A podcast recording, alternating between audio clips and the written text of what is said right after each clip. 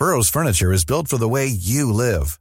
From ensuring easy assembly and disassembly to honoring highly requested new colors for their award-winning seating, they always have their customers in mind. Their modular seating is made out of durable materials to last and grow with you. And with Burrow, you always get fast, free shipping. Get up to 60% off during Burrow's Memorial Day sale at burrow.com slash ACAST. That's burrow.com slash ACAST. burrow.com slash ACAST. Hiring for your small business? If you're not looking for professionals on LinkedIn, you're looking in the wrong place. That's like looking for your car keys in a fish tank. LinkedIn helps you hire professionals you can't find anywhere else, even those who aren't actively searching for a new job but might be open to the perfect role. In a given month, over 70% of LinkedIn users don't even visit other leading job sites. So start looking in the right place. With LinkedIn, you can hire professionals like a professional. Post your free job on linkedin.com slash people today. Hey, it's Ryan Reynolds, and I'm here with Keith, co-star of my upcoming film, If, only in theaters May 17th. Do you want to tell people the big news?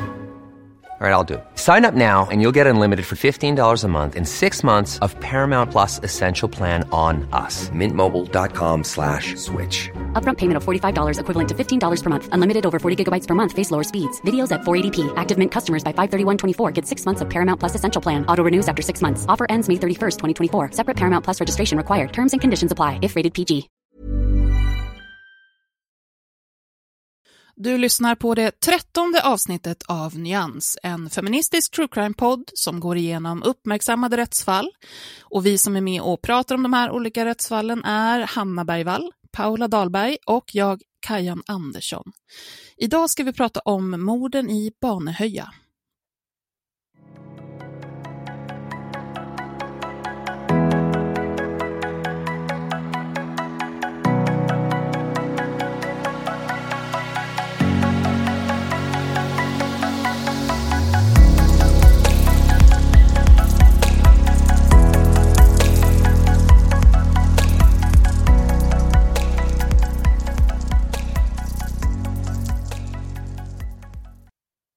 Hallå, hallå! Hej! Tjenixen! Hur, hur mår ni? Trött. Mm. Jag håller uppe vår tradition med att man ska dricka något lite gott, så jag sippade på en öl nu faktiskt. Vad trevligt. Vad, vad är det för öl? Alltså jag säger ju bara att det är en IPA varje gång. Ska vi det, det här är en från, från Tempel, så är det en Jante-IPA. Mhm. Det är en svart burk med en gul krumelur på. Den är god. Är, är den jante då, så att den är sådär lagom god? Det är ingenting som sticker ut liksom, den får inte vara för bra. Den är, den är verkligen det. Alltså, den är inte, inte jättegod, men inte äcklig heller. Ja, det låter bra. Mellanmjölksstöd. Jag har, jag har faktiskt jag har planerat typ hela dagen vad jag ska dricka. Eh, och nu sitter jag här utan min dricka, för jag glömde Nej. hälla upp den. Men jag får ta den på bonusavsnittet som spelar in sen. Ska du sitta Eh, efter det då?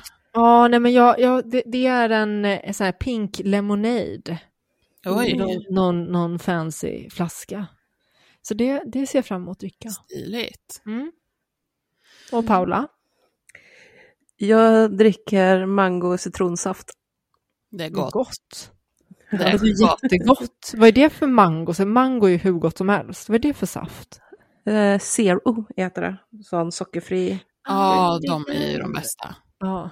Jag har ju en sån här grej, jag har ju en Sodastream hemma. Så att min grej är att göra bubbelvatten och sen eh, blanda med saft eller juice eller någonting. Men snälla vad Mm. sjukt. Vi, köp, vi har ju velat köpa en, vår gamla blev trasig och så ville vi köpa en Soda Streamer. Eh, men har bara dragit oss för det för att det kostar lite Ja. så här.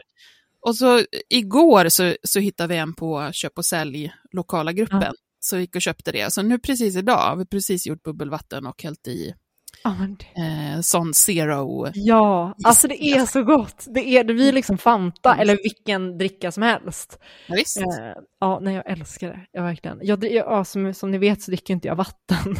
Så att Nej, just måste jag, måste jag smaksatt. För Men vad skönt att vi var överens om det här så vi slapp Mm. någon till Pepsi Mm. Cola-gate. Mm. Har ni Ja. tittat på hur det har röstats förresten? Ja, Pepsi Cola ligger ju i en, inte helt rungande seger får man väl säga. Ganska rungande tycker jag. Ja, 41 procent mot 31 procent som tycker att vi har fel båda två. Okej. Men alltså jag, jag vet liksom inte var ni Pepsi-drickare är någonstans. För att kan jag, jag förlåt men, men jag träffar aldrig någon som dricker Pepsi förutom dig. Ja, det är vansinne. Eller, eller att folk typ inte berättar om det, typ dricker i smyg. Ja, de kanske inte vågar outa det för nu, för att det är så laddat. Kanske rädda att bli cancellad av dig. ja, ja. Jag tycker Eh, ändå det är fantastiskt att folk har varit så engagerade i, i Pepsi versus Cola omröstningen. Ja, men det är ju viktiga saker. Just nu, precis nu så kom jag på att vi har ju fått in eh, en hel del frågor faktiskt, men det kommer vi svara på i vårt bonusavsnitt. Är man, eh, är man Patreon, som jag tycker att man bör vara, så får man ju inte bara bonusavsnitt, utan man får ju också lite special treatment. Och till exempel att man kan eh, skicka in frågor som vi svarar på i poddavsnitt. Så det har vi fått in och ska svara på, Mm. men inte nu. Det ser jag jättemycket fram emot, jag älskar frågor.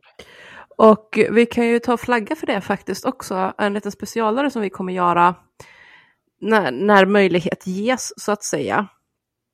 Det är ju intervjuer.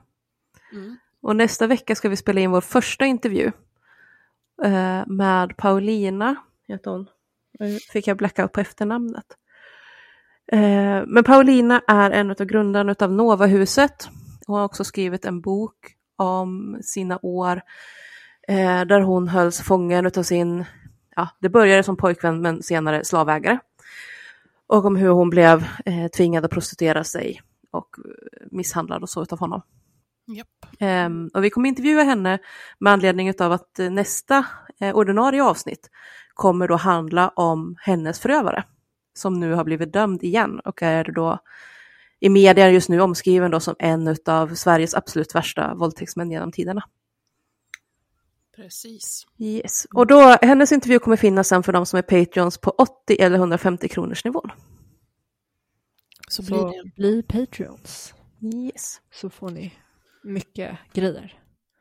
Fallet vi ska prata om idag är, det är ju ett till, jag tycker att det är så kul när det är sånt som jag inte hade koll på. Det här var ju du som Mm. puffade för Paula att vi måste ta Banehöja. Ja, jag fick, vi får ta lite shoutout där. Det är en följare till mig som heter Ida som hoppade på tåget med våran podd ganska direkt och vart skitglad när vi startade den. Och då eh, så fort vi sa det som att nu får ni gärna tipsa så skrev hon till mig bara ni måste, ni måste titta på det här. Eh, det är ett norskt fall. Så att eh, men alltså det här det fallet så är är ju men, alltså, verkligen... shit. Ja, alltså jag, jag hade aldrig hört talas om det och jag bara kände så ah, ska vi ta ett norskt, vad fan bryr sig om Norge typ? Men alltså, wow, det här var ju världens grej. Ja. Jag vart, alltså jag, jag vart ju eld och lågor över det här, det är helt, helt sjukt. Alltså den juridiska biten i det här fallet är ju... Alltså jag, hur, jag, ja, alltså men hur kan inte, jag känner bara, hur kan inte vi veta om det här? Att det här inte har, Nej. Att man inte har pratat om det i Sverige, för att det här är ju extremt, verkligen. Mm. Verkligen. Så, så nu får ni höra det först här hos oss. Exakt. Ja, för det var inte lätt att hitta. Jag plöjt runt efter poddar och sånt och kolla liksom vilket utbud det finns. Eh, vi hittade ju en svensk podd, men den är inte Den var ens ju- att nämna, för det var, Nej, det var så dåligt. katastrof. Det var så dåligt. Alltså jag lyssnade på det när jag gick ute med Ulla, eh, min hundpromenad. Jag bara, alltså, var er, för det var jag som tipsade er också. Jag bara, Ja. men gud, vad har jag skickat för skit? No. Ja, men jag hann in fem minuter tror jag, Ja. så här, nej det går inte. Det, det går inte. Alltså det var så konstiga formuleringar i den, i Ja. den podden alltså. Jesus. Och krackig produktion. Nej, det var inget kul. Mm. Men eh, norska poddar finns det ju. Krimpodden är ju faktiskt en superbra, eh, superfin produktion. Eh, norsk krimpodd, precis som det låter. Och Mm. de har ju bevakat det här fallet i jättemånga avsnitt och fortsätter, som att det fortfarande är aktuellt, som vi kommer komma in på, så fortsätter de att uppdatera om det. Mm. Men sen så fram, framför allt så har vi ju tittat på en mastig dokumentärserie som finns på eh, Discovery Plus, eh, som Yes. heter Jakten på sanningen. Mm. Och det är en, en det, jag tror det, ja, det är åtta avsnitt av 45 minuter, så det är... Jag fick en chock när jag bör- började titta. För jag hade tänkt så här, jag bara, men jag tittar på den typ två, två kvällar innan liksom. Jag bara, oh shit. Det här är, Jag försökte flagga bara, det är långt Hanna, det är långt. Jag bara, ja, ja, en kväll, liksom, hur långt kan det vara? och vet, jag satt ju och pausade hela tiden för att skriva, alltså hinna Ja. liksom skriva ner saker. Ja men precis, det- jag, jag plöjde igenom den först och sen så kom jag på att, men, för jag blev så insugen i det så jag ville ju Ja. bara se allting. Och sen bara, men vad fan, jag ska ju göra ett avsnitt av det här också. Ja. Sen har jag suttit med den parallellt, eh, play, paus, play, paus, för att få ner liksom, händelseförlopp. För vi har inte jättemånga rättsdokument och så, vi har en av domarna. Mm. Eh, jag fick inte ut jättemycket av den, kan jag säga. Eh, säkert mycket vana, för att man inte är van vid hur de skriver sina Det är väldigt svårt att ta till sig, eh, Ja. tycker jag. Eh, Juridiska dokument på ett annat språk i ett annat rättssystem. Ja. Mm. Ja, det är knäligt. Jag har ju läst eh, eh, Viggos blogg också en del. Just det. Och det, ni, vi kommer in på vem han är alldeles strax. Ja. Gud, vi kanske borde sätta mig- igång. ja, vi ska sätta igång. Ja, vi sätter Eh. igång. Ja, precis. Vi behöver inte prata runt det. Det är så mycket att prata om, jag känner att jag bara sugs in direkt så här och lyssnade och bara, va? Alltså vad, vad är det här? Men ni ska få höra allt nu och det här vill ni höra, tro mig. Ja, det vill man. Eh, jag, jag flaggar för nu, jag är, lite, jag är täppt i näsan känner jag, så jag är lite extra flåsig och kommer kanske snurra till eh, då och då. Mm. Man får Mm. triggervarna för det. Eller så blir det lite så här SM, vad heter det, A- ASMR. Ja, Eh, just det. Det jag kan erbjuda idag är liksom lite snor, snurvel och kanske några nersvalda rapar från ölen. Håll till godo, Ja. Vi kanske ska triggervarna lite också för att det är barn som får illa i det här avsnittet. framför Mm. allt. Framför allt så är det barnoffer i det här fallet också, tyvärr.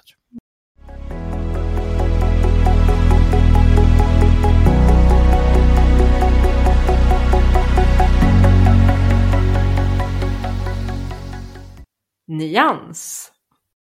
De inblandade personer som vi kommer att prata om idag är då de två offren. Eh, Lena Slögedal Paulsen som eh, var tio år vid tidpunkten och Stine Sofie Sörströnnen som eh, var åtta år. De två förövare, det handlar om två förövare i det här, jag ska inte säga så mycket mer om det, vi håller oss till att det är två förövare. Eh, så får ni höra diskussionen sen. De heter Jan Helge Andersen eh, som också drar med sig den andra personen som heter Viggo Kristiansen. Vi befinner oss alltså i Banehöja. Det är i slutet av maj år 2000. Banehöja är ett eh, friluftsområde i Kristiansand i Norge. Det är ett väldigt populärt område med eh, löpspår, elljusspår, skog och flera små eh, sjöar.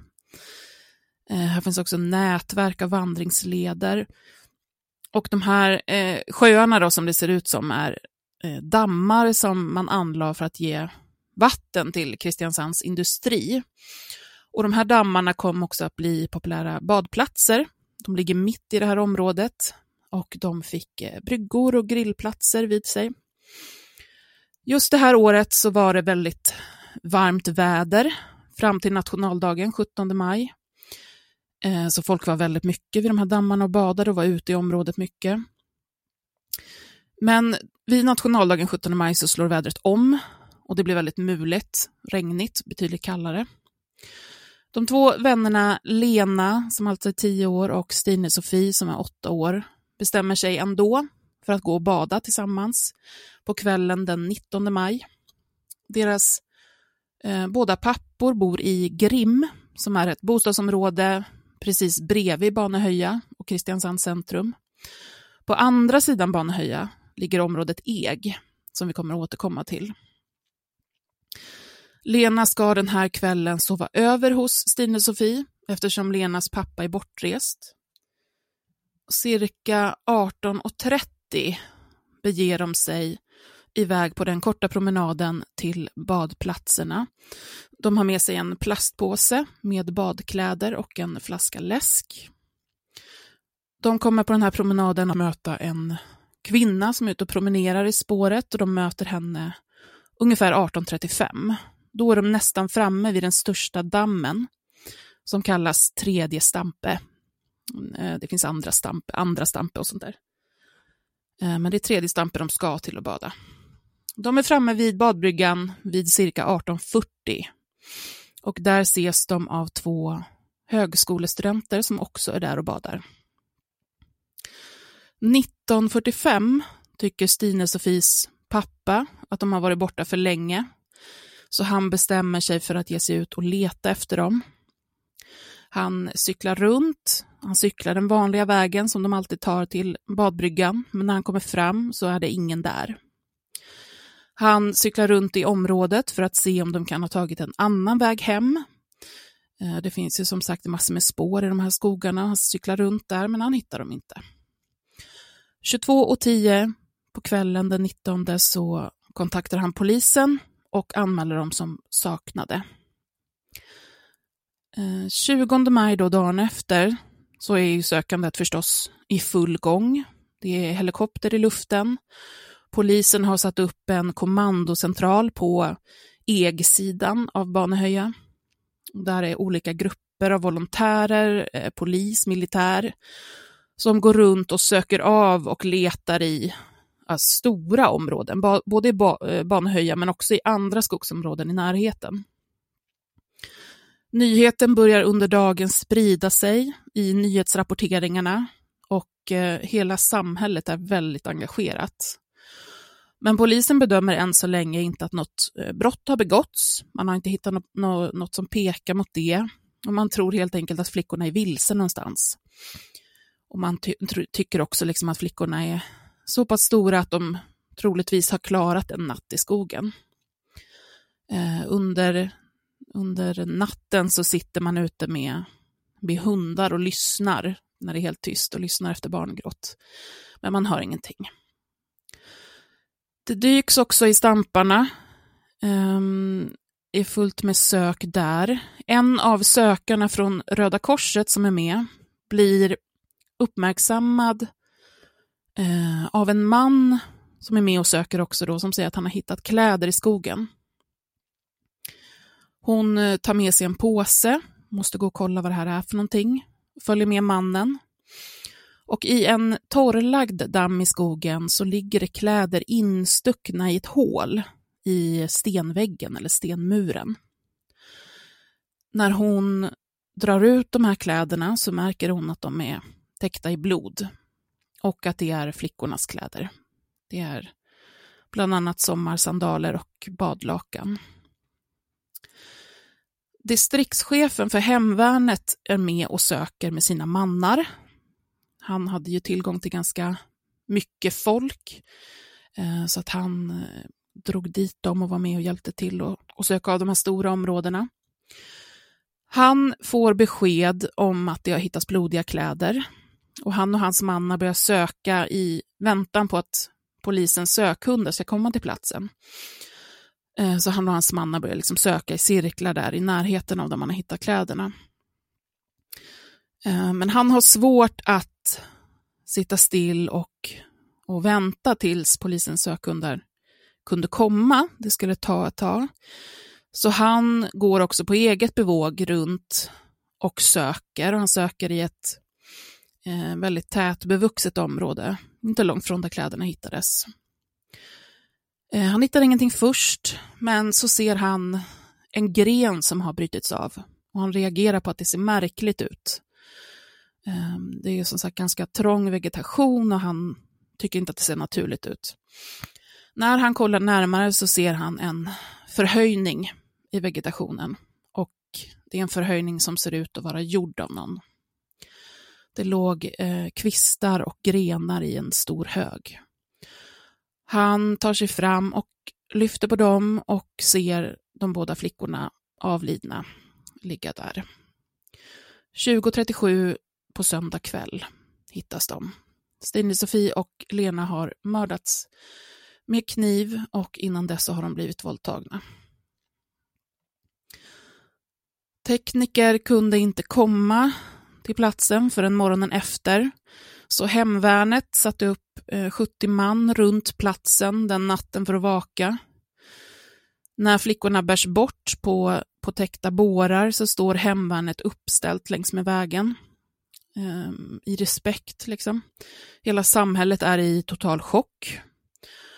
Det var ett väldigt eh, barnvänligt område, väldigt mycket barnfamiljer, så väldigt idylliskt samhälle som verkligen rivs upp av det här. Och kraven på att ta reda på vad som har hänt är naturligtvis både många och hårda, inte bara från samhället utan från hela Norge. Polisen arbetade under väldigt hård press. Det arrangeras folktåg där befolkningen vill ta området tillbaka från den skräck som händelserna satt i det. Men Banehöjaområdet blir inte detsamma efter det här. Det går också flera veckor och till och med månader efter att man hittat flickorna utan att några nyheter om vem som är skyldig kommer. Augusti 2000, så tre månader efter att man har hittat flickorna, kommer besked om att man har funnit ett hårstrå på, brott, på brottsplatsen och polisen säger sig tro att det kommer från gärningsmannen. Efter att ha tagit salivprov på mängder med människor, inklusive eh, vittnen, så får man en DNA-träff. 13 september så grips två unga män från samhället Eg. Könshåret som man har funnit på platsen eh, tillhör den yngsta av de två, som alltså är 19-åriga Jan Helge Andersen. Han erkänner snart att han har mördat den yngsta flickan, Stine Sofie, men att det var hans vän, 21-åriga Viggo Christiansen, som tvingade honom till det. Viggo Christiansen förnekar allt. Han menar att han inte har varit på plats. Och det är nu som kontroverserna börjar. Att sägas om Jan Helge och Viggo är att de var väl ett, alltså ett känt kompisradarpar i området. De har umgåtts mycket och tätt och har av en del sett som Eh, bråkstakar. De leker ofta krig i skogarna vid Banehöja, något som vissa tycker är lite märkligt eftersom att de är så pass gamla. Viggo... Nej, det där kan vi ta sen. Ehm, um, Viggo målas ut i media som en sexgalning i princip. Han bodde i ett litet, en liten garagebyggnad utanför familjehemmet.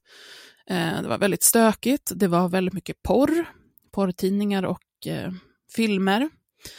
Han hade också ett knivintresse, ganska många knivar hos sig. Han beskrevs som en ung man med kort stubin som ofta hamnade i bråk. Jan Helge ses som sidekicken i det här paret som är betydligt lugnare, mer tyst, eh, som hänger med på Viggos olika upptåg. Och det är det här narrativet, som vi kan ifrågasätta sen kanske, som eh, polisen tar vidare och jobbar utifrån.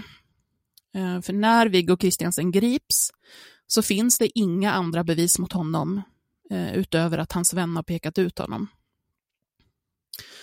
Det Jan Helge Andersen berättar är det här, och det här är också vad både rätten och, och media kommer att gå på för en ganska lång tid framåt, så det är det som vi går igenom. För det första så ska vi säga att Jan Helge ändrar sig eh, en hel del och vid flera tillfällen när det kommer till den här utsagan och hans erkännande. Men när han 13 september säger sig vilja ge ett fullständigt erkännande så är det det här. Han säger att han hade tänkt träna fredagen den 19 maj eh, tillsammans med andra ungdomar från hemvärnet där han var med. Han gick till parkeringen vid Banehöja cirka 17.45 där han stod och väntade en stund. Eh, tydligen så brukade de ha sådana att de träffades och sprang i spåren tillsammans, så att han stod där och väntade. Eh, men sen började han promenera eh, runt det minsta vattenpartiet som ligger närmast Eg. Och när han gör det så kommer Viggo cyklandes.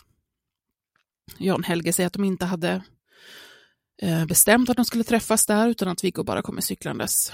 Viggo frågar då om Jan Helge vill följa med honom, eftersom de andra från hemvärnet inte har dykt upp. Och det ville han. Viggo ska då ha lämnat sin cykel vid parkeringen, där han också låser fast den i bommen. Jan Helge säger att han är säker på att Viggo hade med sig sin telefon, en gul Nokia. Jan Helge anger sen hur de båda promenerar på stigarna i friluftsområdet ända tills de kommer bort till en stig som går ner till tredje Stampe. Men innan de kom ner till bukten så vek de av på en stig in till höger och in i eh, skogsområdet som ligger bredvid tredje Stampe. Han menar att de gick runt i det området för att hitta en bra tältplats. Sen går de ner på huvudstigen igen och när de är jämte avfarten ner till tredje Stampe så säger Jan Helge att de möter två flickor som kommer emot dem på stigen. Han berättar vidare att Viggo stannar till och sen att han också gör det. Varpå Viggo frågar de två flickorna om de vill hjälpa till att flytta kattungar som de har hittat uppe i skogen. Flickorna ville det, om de själva fick bära någon av kattungarna. Så flickorna följer efter de två männen upp i skogen, samma väg som männen kom ifrån. När de har gått en stund, jag påminner igen om att det här är eh, Jan Helges egen utsaga. När de har gått en stund så tar Viggo fram en kniv. Jan Helge säger att Viggo blev väldigt hotfull och beordrade flickorna att klä av sig. Viggo instruerar den ena flickan att sätta sig ner på marken och Jan Helge tror att det är den äldsta, det vill säga Lena, som också får en ögonbindel. Hon tar en klädesplagg och knyter om hennes ögon. Sen ska Viggo ha tagit med sig den andra flickan bort, eh, bara ett fåtal meter. När Jan Helge ser att Viggo börjar dra ner byxorna så säger han att han vänder sig om och sätter sig ner på marken eh, för att han inte vill se det som ska hända. När Viggo har våldtagit henne så för han henne tillbaka några meter och sätter på en ögonbindel på henne. Sen tar han den äldsta flickan till samma plats där det första övergreppet ägde rum. Jan Helge säger att han vänder sig bort igen och sen att han vänder sig tillbaka när han förstår att Viggo är klar med våldtäkten. Sen ska Viggo ha lett tillbaka den yngsta flickan när han eh, plötsligt hugger den äldre flickan i halsen med kniven. Efter några sekunder så hugger han henne även i magen. Jan Helge säger att han snabbt går bort till Viggo, puttar honom hårt så att han trillar omkull och frågar vad han håller på med. Då ska Viggo ha sagt till Jan Helge att, att Jan Helge ska ha ihjäl den yngsta flickan. Om han inte gjorde det så skulle Viggo döda Jan Helge med. Eh, sen går det några minuter av att Jan Helge säger att han inte vill, men till slut så eh, tar han kniven och sätter den mot halsen på flickan och dödar henne. På Viggos initiativ så släpas flickorna till ett buskage där de täcks med grenar och kvistar som bryts av. Jan Helge berättar att han skär av enbärsgrenar och lägger över dem. Sen tar de med sig sakerna från platsen och börjar gå tills de kommer till den här torrlagda dammen. Där ska Viggo ha stoppat in påsen med kläder i öppningen i stenmuren. Efter det så drog han ut påsen så att kläderna blev kvar där inne. Påsen la han sedan i sin ficka. Efter det så går de två männen olika vägar hem till Eg. Ehm, det är Viggo som går den kortare vägen, Jan Helge går en längre väg på andra sidan skogen. Och när Jan Helge kommer till Eg så går han direkt hem till Viggo som redan har hunnit hem. Eh, Jan Helge kommer senare att motvilligt erkänna att han faktiskt våldtog den ena av flickorna. Ehm, det, och det erkänner han efter att det har kommit svar som på, på DNA. Och då hävdar han att det också var efter tvång och instruktioner från Viggo. Eh, jag tänker att vi mer i diskussionsdelen ska gå in på vad, vad Viggo säger om det hela, men som sagt så förnekar ju han. Han säger att han har varit en kort sväng i Banehöja för att hämta en nyckel av Jan Helge. Eh, men att, och att Jan Helge sen kom hem till honom, men att han alltså inte har varit med. Det finns det finns en hel del, det är svårt därför det överlappar eh, allting. Men jag tänker att jag bara ska nämna jättekort eh, de, några av liksom bristerna i den här förundersökningen så att vi har det med oss sen till, till diskussionen så man kan förstå också det Hanna kommer att prata om. Eh, några av bristerna som tas upp i den här dokumentären då framför allt är eh, soptunnor i spåret som inte har undersökts, inte har tömts av polisen innan sophämtare tömmer dem. Så man går miste om bevi möjlig bevisning där. En eh, pressändning sätts upp ovanför fyndplatsen och ovanför de döda kropparna under natten där, där man väntar på tekniker. Och den här pressändningen kommer från en, en persons garage. Man hade ingen pressändning till hand så att en person gick helt enkelt hem till sitt garage och hämtade en pressändning eh, som han hade. Där den har legat länge och den har använts privat väldigt många gånger. Eh, så risken för kontaminering av teknisk bevisning är alltså eh, väldigt hög, får man säga. Det är inte heller alla som har använt korrekt skyddsutrustning vid hanterandet av bevismaterial. Det är inte alla som har använt handskar och så vidare. Eh, sen kommer några stora saker, men det DNA-bevis som man, som man sen hittar. Hanna, du får stoppa mig om det här är sånt som du vill gå igenom. Jag tänkte att jag skulle nämna det kort bara.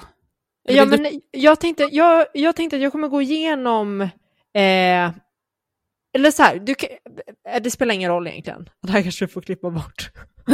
Nej, Nej, men jag hade, det jag hade tänkt gå igenom var eh, vad liksom domarna, vad de kom fram till och sen eh, alla felen egentligen. Just det. Med den. Jag nämner bara de andra. Ja, ja men gör det så går jag igenom detaljerat sen. Ja, Yes. Sen är det jättestora kontroverser kring de här DNA-bevisen som man hittar och det kommer bollas fram och tillbaka. Eh, det är också kontroverser kring eh, eh, hur förhören har gått till, i vilket läge de har förts och vilka, alltså vad som har sagts till misstänkt vid olika tillfällen. Eh, sen så kommer det också olika, man märker att de har väldiga problem med den här tekniska bevisningen. Eh, det finns också olika Eh, telemaster som kopplar upp eh, Viggos telefon från olika platser som, eh, som skulle kunna utgöra ett alibi, men som inte används som det, eh, helt enkelt. Gud, det är så svårt att stoppa här, jag vill bara dyka in på allting, men nu får du köra, Hanna.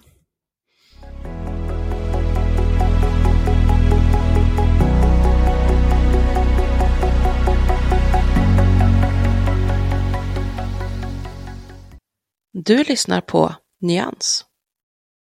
Så. Eh, ja, jag fattar. Det finns, det finns verkligen jättemycket att prata om här. Eh, men jag tänker så här, jag börjar lite om, eh, prata om Norge. Det här är ju ett helt annat rättssystem än i Sverige. Eh, jag är ju inte eh, norsk jurist som du vet, så jag har inte stenkoll på det. Men det verkar finnas en del ganska stora skillnader. Eh, till att börja med så kan man ju säga att i Norge kan man inte få vad vi, liksom, eller, man, de säger att man inte kan få livstidsfängelse utan att det du kan få är 21 års fängelse. Eh, det är liksom, det längsta straffet. Men sen kan man få någonting som kallas för förvaring. Och det är liksom människor som är så pass farliga att de inte får vara ute i samhället. Så att det, eh, det är en sån skillnad. Men sen också så som jag förstod det så hade, har man inte nämndemän i Norge på samma sätt som i Sverige. För i Sverige så har vi en, en juristdomare, en juridiskt utbildad domare och sen så har man tre nämndemän i tingsrätten. Och det nämndemän är ju icke juridiskt utbildade personer. Men i Norge verkar det som att det är istället en, Eh, en eh, jury, mer som i USA. Och att den här då juryn skulle fastställa eh, om de här två männen var skyldiga och sen är det då advokat, eller juristdomaren som eh, bestämmer straffet. Jag är lite osäker på om det är en jury både i tingsrätten och i hovrätten i Norge. Men, men så uppfattade jag det i alla fall. Eh, men ja, det som händer är att både Jan Helge och Viggo döms för, eh, för morden. Eh, Jan Helge döms för mordet på den yngre flickan och han döms till 19 års fängelse. Och, det, och han erkänner ju, som Kajan redan varit inne på. Eh, och om jag inte minns fel så fick han 17 års fängelse i tingsrätten, eller ja, Norges motsvarande tingsrätt. Men att det här eh, sen överklagades till hovrätten och att hovrätten gav då ett strängare straff som var 19 års fängelse. Eh, Viggo döms till 21 års fängelse plus förvaring. Och på samma sätt för honom så får han ett strängare straff när, han, när det överklagas till hovrätten. Så att Viggo får i princip livstidsfängelse. Eh, det man säger i den här domen är att man konstaterar att det finns, eller jag, jag går igenom dem en för sig. I Jan Helges fall så finns det ett erkännande. Han säger att han har gjort det och det finns teknisk bevisning i form av det här hårstrået som kan var vara inne på som då tillhör honom. Så att han är ju kopplad till platsen. När det kommer till Viggo så finns det ingen teknisk bevisning. Men Viggo döms ändå och då säger domstolen att det, det, man gör är att man, man lyssnar helt enkelt på vad Jan Helge säger. Och Jan Helge har ju berättat att det var Viggo som var drivande i det här och att Viggo är huvudpersonen bakom de här morden. Eh, och man säger också att Jan Helge inte har någon anledning att skylla på Viggo eftersom att de är polare. Så att eh, ja, det, det, kan man ju verkligen ifrågasätta, men jag tänker jag kommer, jag kommer gå in på allt det man kan ifrågasätta med det här. Men det är i alla fall det, det de säger, eh, det domstolen säger, och man säger att det, det Jan Helge har berättat stämmer överens med det, liksom, det andra som har framkommit i, i målet, vilket inte alls gör, men det säger i alla fall domstolen, och att det stämmer överens med DNA-bevisningen och att eh, därför så pratar han, talar han sanning och därför kan vi utgå från att det han säger är sant. I Norge så det krävs inte att man har teknisk bevisning för att bli dömd, utan man tittar på helheten. Och de båda eh, döms. Ja, det är inte en, det är inte en jättelång dom så. Det, det är det här de går på. Men, oh, gud, det finns så mycket. Det finns så mycket. Eh, jag eh, ska försöka gå igenom det här eh, lite strukturerat så att ni, så att ni hänger med. Jag tänkte säga, ni får säga till om ni inte hänger med, men det är jättesvårt för er lyssnare att göra. Ehm, ja, till att börja med så ändrar Jan Helge sin, sin story. Han, han ändrar sig liksom i förhör väldigt, väldigt många gånger. Och det här är en sån grej som bör sänka ens trovärdighet när man, när man hela tiden ändrar sig. Det blir också väldigt tydligt om man läser igenom förhör, de första förhören med Jan Helge att den här idén om att Viggo är huvudpersonen är egentligen lanserad av polisen. Polisen har ställt frågor till Jan Helge så här, det, kan det vara så Jan Helge att du, du egentligen kanske är ett slags offer i det här? Att det är Viggo som har fått dig att göra det? Typ sådana såna frågor. Och då har Jan Helge bara, japp, så var det. Så var det. Och det är till och med en polischef som, och, och där inte är någon försvarare närvarande som de här Exakt. sägs. Så det är ja, extra. Ja men det är så illa, det är så illa. Ja, grejen är så här att även om, det som är så förfärligt är ju inte bara att man riskerar att eh, sätta oskyldiga människor i fängelse, utan det är ju också att det gör att det blir att även om här, någon är skyldig så liksom bevisvärdet av det försvinner ju i princip av de här ledande frågorna. Eh, så att, vad ska man säga, det är ju, jag tänker ju för de anhöriga också, har ju, de har ju rätt att få, få en dom som håller. Ja, ja, jag ska inte segla iväg, det kommer diskussionen. Eh, men ja, exakt, och utöver att polisen lanserar idén om att Viggo skulle ha varit huvudpersonen så, så eh, ville ju Jan Helge ville ha en advokat också, men det fick han inte, som inte så han hade ingen advokat på de förhören. Um, ja, och sen så är det ju helt uppenbart, helt uppenbart att Jan Helge har ju ett motiv att skylla på Viggo för att Jan Helge får ett mildare straff. För att man säger att det var Viggo som var huvudpersonen. Så jag tycker det är extremt konstigt av domstolen att säga att nej men han hade ingen som helst motiv att eh, skylla på Viggo Det är klart, det är helt uppenbart att han hade det. Och sen så har vi det här med att det finns ingen teknisk bevisning överhuvudtaget som knyter Viggo till, till brottsplatsen, att, som säger att han har varit där. Det finns inget DNA som gör det. Det som är så otroligt dumt med det här är att åklagaren langar fram DNA-bevis och säger att det här DNA-beviset säger med säkerhet att det är två gärningsmän på platsen. Det var två gärningsmän där och att eh, den, ena, liksom, den ena är Jan Helge men att det finns DNA från en annan person. Så att det måste vara två personer på, på brottsplatsen. Och att det, det här andra DNA, den här andra mannen då, att det passar in på Viggo. Problemet med det här DNA-beviset är att det är, det är så svagt och så liksom felhanterat att det inte bör kunna användas i domstol överhuvudtaget. För det första, som man säger att den här andra personen då, att det passar in på Viggo, det passar också in på, vad var det, det var typ så här 50 procent av Norges manliga befolkning. Ja. Så att det kan vara Viggo, eller så kan det vara 50 procent av alla andra.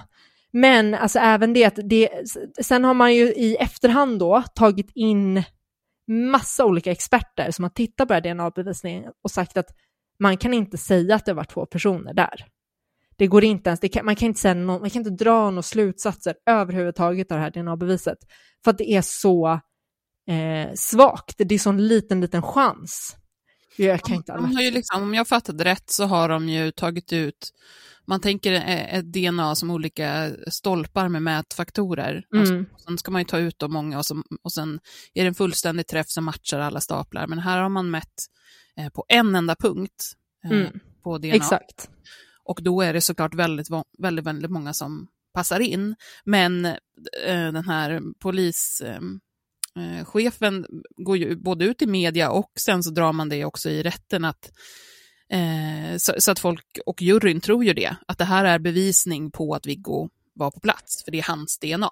Ja, och sen så gör man också den här otroligt dumma grejen att man har ett expertvittne som förklarar det här då, hur det här funkar för rätten. Men det här vittnet är inte personen som har gjort själva eh, DNA-test, liksom provning, eller vad säger man, gjort själva analysen av det här materian då som man hade. Eh, för man skickade den här, den här substansen då som man skulle testa DNA på, skickade man till Spanien eh, och de då lyckades få fram det här, något slags resultat. Men, men de, det, är upp, alltså det är uppenbart att de har, helt, de har dragit slutsatser av det här DNA-beviset som, som man inte kan dra. Och det har ju kommit fram i efterhand, att det polischefen och det åklagaren har sagt i, i rätten är fel. Ja, och de... den här jäkla tekniken, för att de här teknikerna i, på labbet i Spanien, de skriver ju ut i det här protokollet hur pass låg ska säga, bäring mm. det här mm. testet har. Och, och tittar man på det så, så står det klart och tydligt liksom att den här bäringen är så pass låg att den lika gärna inte kan finnas. Exakt. Men det som är till skillnad från till exempel i Sverige, då, vad heter det, NFC tror jag, no, eh, norskt tänkte jag säga, vad heter det? någonting forensiskt center, nu är det hjärnsläpp. Ja. I alla fall där man liksom testar eh, liksom, ja, i sådana här fall. Där har man alltid en beskrivning med som förklarar hur stor sannolikhet av res alltså hur stor, vad, vad resultatet egentligen betyder. Att okej, okay, vi har fått den här siffran, det betyder att det är så här sannolikt, det är liksom eh, lika, det kan vara den här personen eller, kan, eller så kan det vara en enäggstvilling, men ingen annan exempelvis. Mm. Men det finns inte med i det här från Spanien. Eh, men återigen, det, de slutsatserna man drar är att det finns två olika separata gärningsmän, varav en, eh, har, varav en passar in på Viggo. Och de, de här slutsatserna är helt felaktiga. Det, man kan inte, det här är liksom det här DNA-bevis kan man inte dra någon slutsats av överhuvudtaget. Sen så har det, och kommer det också fram, och det här, alla de här, både det här DNA-beviset eh, och det här nästa nu som jag kommer till, har varit uppe i rätten när de båda blev fällda. Men det visar sig också att det har skickats sms från Viggos telefon under den tidpunkt som åklagaren hävdar att morden ägde rum. Så man kommer fram till att morden ägde rum, jag tror det var mellan 19 och 20 på kvällen eller något sånt där. Och just på den tiden så har Viggo skickat sms. Och det visar sig också att den, det, han kan inte ha varit på, om, eller så här, smsen kan inte ha skickats från Baneheja för att det, de kopplar inte upp till den masten som är där, utan han koppl, den masten som den kopplar upp till är i, eh, där, vad, vad heter det, EG, tror jag det var, ja, där, han, ja, där han bor då. Så att det verkar ju som att Viggo har suttit hemma och smsat. Och då kan han inte befinna sig på brottsplatsen. Så det är ju, väldigt, det är ju i princip ett slags alibi för att han inte har befunnit sig på platsen. Det skulle i så fall vara om någon annan har tagit Viggos telefon och smsat från den. Men sen visar det också att en av mottagarna är en tjej som berättar att eh, hon minns att de, liksom, hon fick ett sms av honom och att han skrev på ett sätt så som de brukade skriva till varandra. Så att det verkar ju som extremt osannolikt att det var, skulle vara någon annan som hade fått tag på Viggos telefon och smsat den här tjejen då som han hängde med. Eh, som de, de smsade väldigt så här, flörtigt med varandra. Eh, och det säger, domstolen tar upp det här och säger att ja, det här är ju en väldigt knepig omständighet att Viggos telefon kopplar upp på en, på en mast hemma hos honom och att det är omöjligt att koppla upp eh, på, i Baneheja för att den, eh, det är liksom inte täckning där. Det är en eh, knepig omständighet säger man, men det är ingenting som talar för att, eller det är liksom ingenting som, det är inte så pass allvarligt att man säger att han inte kan ha gjort det. Eh, sen så går man också igenom liksom alla möjliga olika sätt som han då skulle ha, Viggo skulle kunna varit på brottsplatsen och begått morden men sen sprungit iväg och, och smsat och sen, liksom, dit han hade täckning då och sen sprungit tillbaka till mordplatsen och man laborerar med alla de där varianterna men det, alla är fullständigt osannolika. Sen har vi också det faktum att Eh, hur de här knivhuggen på flickorna är eh, gjorda.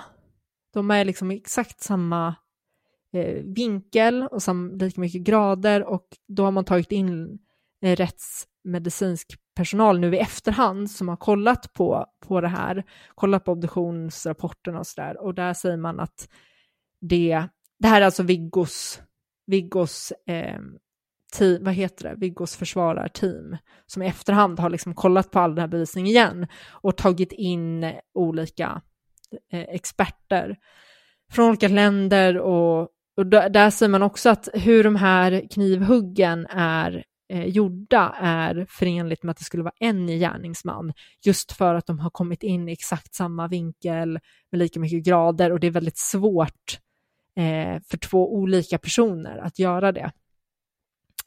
Sen finns det också under tiden när den här eh, förundersökningen pågick så gjorde polisen en gärningsmannaprofil, det vill säga att de har experter som gör, tittar på det här, liksom vad som har hänt och tar fram en profil på en person. Så, att det här, så här skulle en person som gör det här kunna vara. Det här är den typen av person av den, den kunskap vi har idag, vilka som brukar begå de här brotten och så vidare. Vem, vem kan, kan, skulle det kunna vara?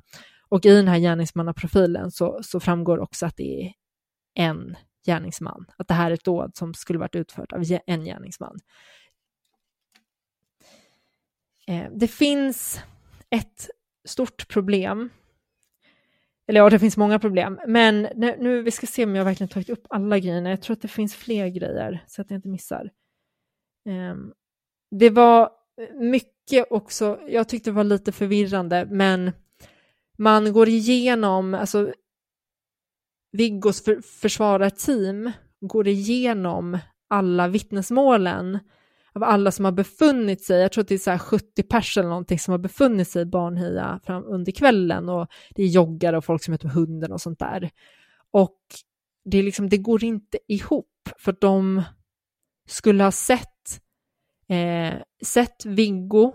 Man pratar om att Viggo skulle ha parkerat sin cykel vid en bom. Att det är det som, det är det som Jan Helge berättar, att Viggo parkerar sin cykel vid en bom. Eh, och, och, det har varit liksom, man har vittnesmål med joggare som har varit där i Banheja och stått och stretchat vid den här bommen och bara, ja men jag skulle ha märkt om det stod en cykel parkerad här och det var ingen cykel där. Så det finns ju många sådana grejer med, med eh, Jan Helges vittnesmål som också är så här, det här stämmer inte. Det är någonting som inte stämmer. Sen kommer ju han alldeles lägligt på när det är det här med när de konfronterar John Helge med att det här med masten, det håller ju inte. Han, vi har ju flera sms här, du sa ju att Viggo hade med sig sin telefon. Ehm, då kommer då kommer de här små förklaringarna med att ja, han kan ha lämnat den faktiskt nu när jag tänker efter i, i uh, väskan som sitter under sadeln på cykeln. Uh, och han, var nog, han gick nog bort några, några stunder, några passager under liksom, händelseförloppet. Uh, kommer liksom inkrystat väldigt lägligt. Men precis mm. som du sa Hanna så går ju inte de heller ihop. Det går inte, det Exakt. går inte ihop till ett fullständigt förlopp trots det. Ja, alltså man har ju försökt att se så här, skulle det här vara genomförbart? Eh, Försvarteamet har ju åkt till platsen och liksom provgått den, skulle det här gå att göra? Hur, alltså, det, det, det går liksom inte, det, det är fullständigt orimligt. Eh, och det är inte sannolikt framför allt, det är väldigt, väldigt osannolikt. Sen, eh, nu ska vi se. Sen som Kajan var inne på så finns det ju andra problem med den här förundersökningen. Just det här att man använder en pressändning som eh, kommer från en privatperson som har brukat ha den till båten och det kontaminerar brottsplatsen eh, och bara så massa, massa onödiga eh, fel. Så att det, det som finns, det beviset som finns mot Viggo är egentligen bara, eller det är bara det Jan Helge säger, att Jan Helge säger att Viggo har gjort det. Det är det beviset som finns. Och med tanke på att Jan Helge har ändrat sin story hundra gånger, den hänger inte ihop med annan bevisning, andra människors vittnesmål. Och Jan Helge har uppenbarligen anledning att skylla ifrån sig på Viggo. Gör ju att det, det är ju väl, alltså döma någon till livstidsfängelse i princip på den bevisningen, det är så oerhört svagt. Det, det finns liksom inte. Sen så tar ju också eh, domstolen tar ju andra saker till intäkt för att det här skulle ha hänt. Exempelvis hans, eh, att Viggo tittar mycket på porr och hans knivintresse och säger att det talar för det. Um, man, det som händer är också att Viggo erkänner ni får säga till nu om jag missförstod det här. Men det är Jan Helge det. som tar upp det först. Eh, Jan Helge säger det i ett förhör. Säger vad då? Att eh, Viggo några år tidigare har förgripit sig på en, ja, på en eh, flicka. Precis, Viggo, exakt. Jan Helge säger det i ett förhör att Viggo ska förgripa sig på en ung flicka. Men som jag förstod det så erkänner Viggo det här. Ja. Så Viggo erkänner att han förgriper sig på den här flickan, men inte de här andra brotten. Och jag förstår det som att det här på något sätt tas med som intäkt för att, ja men titta han gjorde för den här flickan, han är uppenbarligen sån som gör sånt här. Ja. Men, men man, får, man måste, i en domstol måste man titta på den, på den här händelsen. Den aktuella, den han står åtalad för. Han står åtalad för morden på flickorna och våldtäkt. Och när det kommer till det så man kan ju prata sig hur mycket som helst om hans karaktär som person, men den enda bevisningen konkret som finns är ju det här Jan Helge säger. Och det här är ju såklart, räcker ju inte, det bör inte räcka. Viggo har under, han har ju suttit i, det här hände ju 2000 och nu är det 2022. Han har ju suttit, eh, han satt ju 20 år i fängelse och under den här tiden så har han begärt resning och resning är när man går till Högsta domstolen, i Sverige i alla fall, man går till Högsta domstolen och säger att det här är fel, eh, jag vill att ni tar upp det här igen. Och det är väldigt svårt att få resning, det krävs i princip att det finns nya bevis. Eh, och så som jag har förstått det så är det likadant i Norge, det finns någonting som heter, gud vad heter det, o återupptagningskommissionen eller något sånt. Just det som är en kommission som ska kolla på just den här fallet. Ska vi ta upp den här domen? Ska vi göra om den här rättegången igen? Och han begärde då att de begärde om det sex gånger, men fick hela tiden avslag med motiveringen att det krävs att du kommer med nya bevis. De här bevisen du tar fram har redan blivit prövade. Och det är ju på ett sätt sant. Det blir ju ett väldigt, väldigt problem för att de här, alla de här bevisen just med smsen, eh, DNA, eh, ja men allt det här, det, det fanns ju med i originalrättegången. Så att det är ju inte nytt på det sättet. Så att han var, hamnade ju i en situation där, ja det är inte nya bevis, utan problemet här är ju att domstolen har misstolkat de här bevisen och totalt missförstått dem. Dragit slutsatser som inte går att dra. Eh, så det här, eh, han fick avslag gång på gång, men nu då 2021 va? Eller var det 2020? Jag blir lite osäker. 2020 eller 2021 så, så, så får han till slut till det att de eh, godkänner att man ska ta upp det igen och man ska göra en ny rättegång och man, det, det de gjorde då var att liksom argumentera för just det här att de här bevisen, även fast de fanns med från början, så kan det inte ses som att de har blivit prövade. Eftersom att det är så, så de har, det är så som till exempel de smsen har ju egentligen inte blivit prövade eftersom domstolen bara säger att ja, det här är lite konstigt. Ja, ja, vi går vidare. Um, ja, så att det är egentligen där vi är idag. Man ska ta om Hey, it's Danny Pellegrino from Everything Iconic. Ready to upgrade your style game without blowing your budget? Check out Quince. They've got all the good stuff, shirts and polos, activewear and fine leather goods, all at 50 to 80% less than other high-end brands. And the best part? They're all about safe, ethical and responsible manufacturing. Get that luxury vibe without the luxury price tag. Hit up quince.com slash upgrade for free shipping and 365 day returns on your next order. That's quince.com slash upgrade. Hey, it's Ryan Reynolds and I'm here with Keith, co-star of my upcoming film, If, only in theaters May 17th. Do you want to tell people the big news? All right, I'll do it. Sign up now and you'll get unlimited for $15 a month in six months of Paramount Plus Essential Plan on us. Mintmobile.com slash switch. Upfront payment of $45 equivalent to $15 per month. Unlimited over 40 gigabytes per month. Face lower speeds. Videos at 480p. Active Mint customers by 531.24 get six months of Paramount Plus Essential Plan. Auto renews after six months. Offer ends May 31st, 2024. Separate Paramount Plus registration required. Terms and conditions apply if rated PG. Den här rättegången. Sen så har också nu får ni rätta mig om jag har fel här, för nu har jag läst på norska. Men som jag har förstått det så tog man in, för, för att Jan Helge har redan kommit ut ur fängelse. Han har avtjänat sitt straff. Men att man tog in honom på ett nytt förhör och under det förhöret så gjorde man en husrannsakan hemma hos honom, alltså Jan Helge. Och att Jan Helge nu, att man hittade grejer som har gjort att man har åtalat Jan Helge på nytt. Visst var det så Paula? Det här är du Jag känner mig lite osäker på det här. Jag har för mig också att det var precis så. Ja, precis. Alltså det, jag kommer gå in djupare på det på själva diskussionsdelen kring alla de här efterspelen. Men det som har hänt är alltså att han är åtalad igen, eller på nytt, för mordet då på den äldre flickan, det mordet som han friades ifrån i den första omgången här nu då för 20 år sedan. Ja. Och Viggo är ju, eh, han har ju fått komma ut. Exakt, så att när den här genupptagningskommissionen beviljade att man skulle pröva det på nytt så eh, fick, blev han också släppt på fri fot. Ja. Så att han fick åka hem. Det var det som jag tänkte gå igenom just med domen. Mm. Paula, you're up.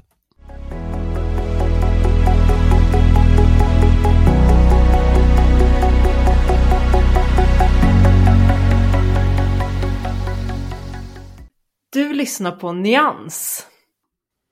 Yay! alltså gud, det finns så mycket att prata om. Det finns så mycket att prata om.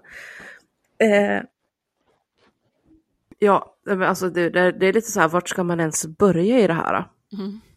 För det första så är ju det här då, om det nu blir så som bevisningen ändå lutar, att, att det här kommer sluta med att Viggo har suttit felaktigt dömd för mord som han inte har begått eh, i 21 år, så är det ju, ja dels är det ju Norges absolut största rättsskandal, men det kan också vara Nordens största rättsskandal. Mm. För att det är ju enormt, det är ju liksom, ja, det är ju halva hans liv som han har suttit inlåst för någonting som ingen egentligen kan bevisa att han har gjort och som han själv hävdar att han absolut inte har gjort och som den bevis som ändå finns faktiskt också visar att han inte har gjort. Mm. Han har inte gjort det här. Och, och ändå har han blivit dömd. Och som Hanna nämnde så, så är det ju det här att det lyfts att han då skulle ha haft en, en sexuell relation där han våldtog under en längre period eh, en bekant då som var vid åldern när det skedde då 7-8 år och han själv var 14-15. Eh, vilket ju inte gör det på något sätt mer rätt, men ja, han, han var fortfarande väldigt ung när det här skedde. Och då tycker man att det är tillräckligt liksom för att kunna säga någonstans nu då att han, han måste ha varit inblandad och att det måste ha varit han som var drivande kring det här morden då på de här små flickorna för att de var då ungefär samma ålder som den flicka han erkände att han hade förgripit sig på.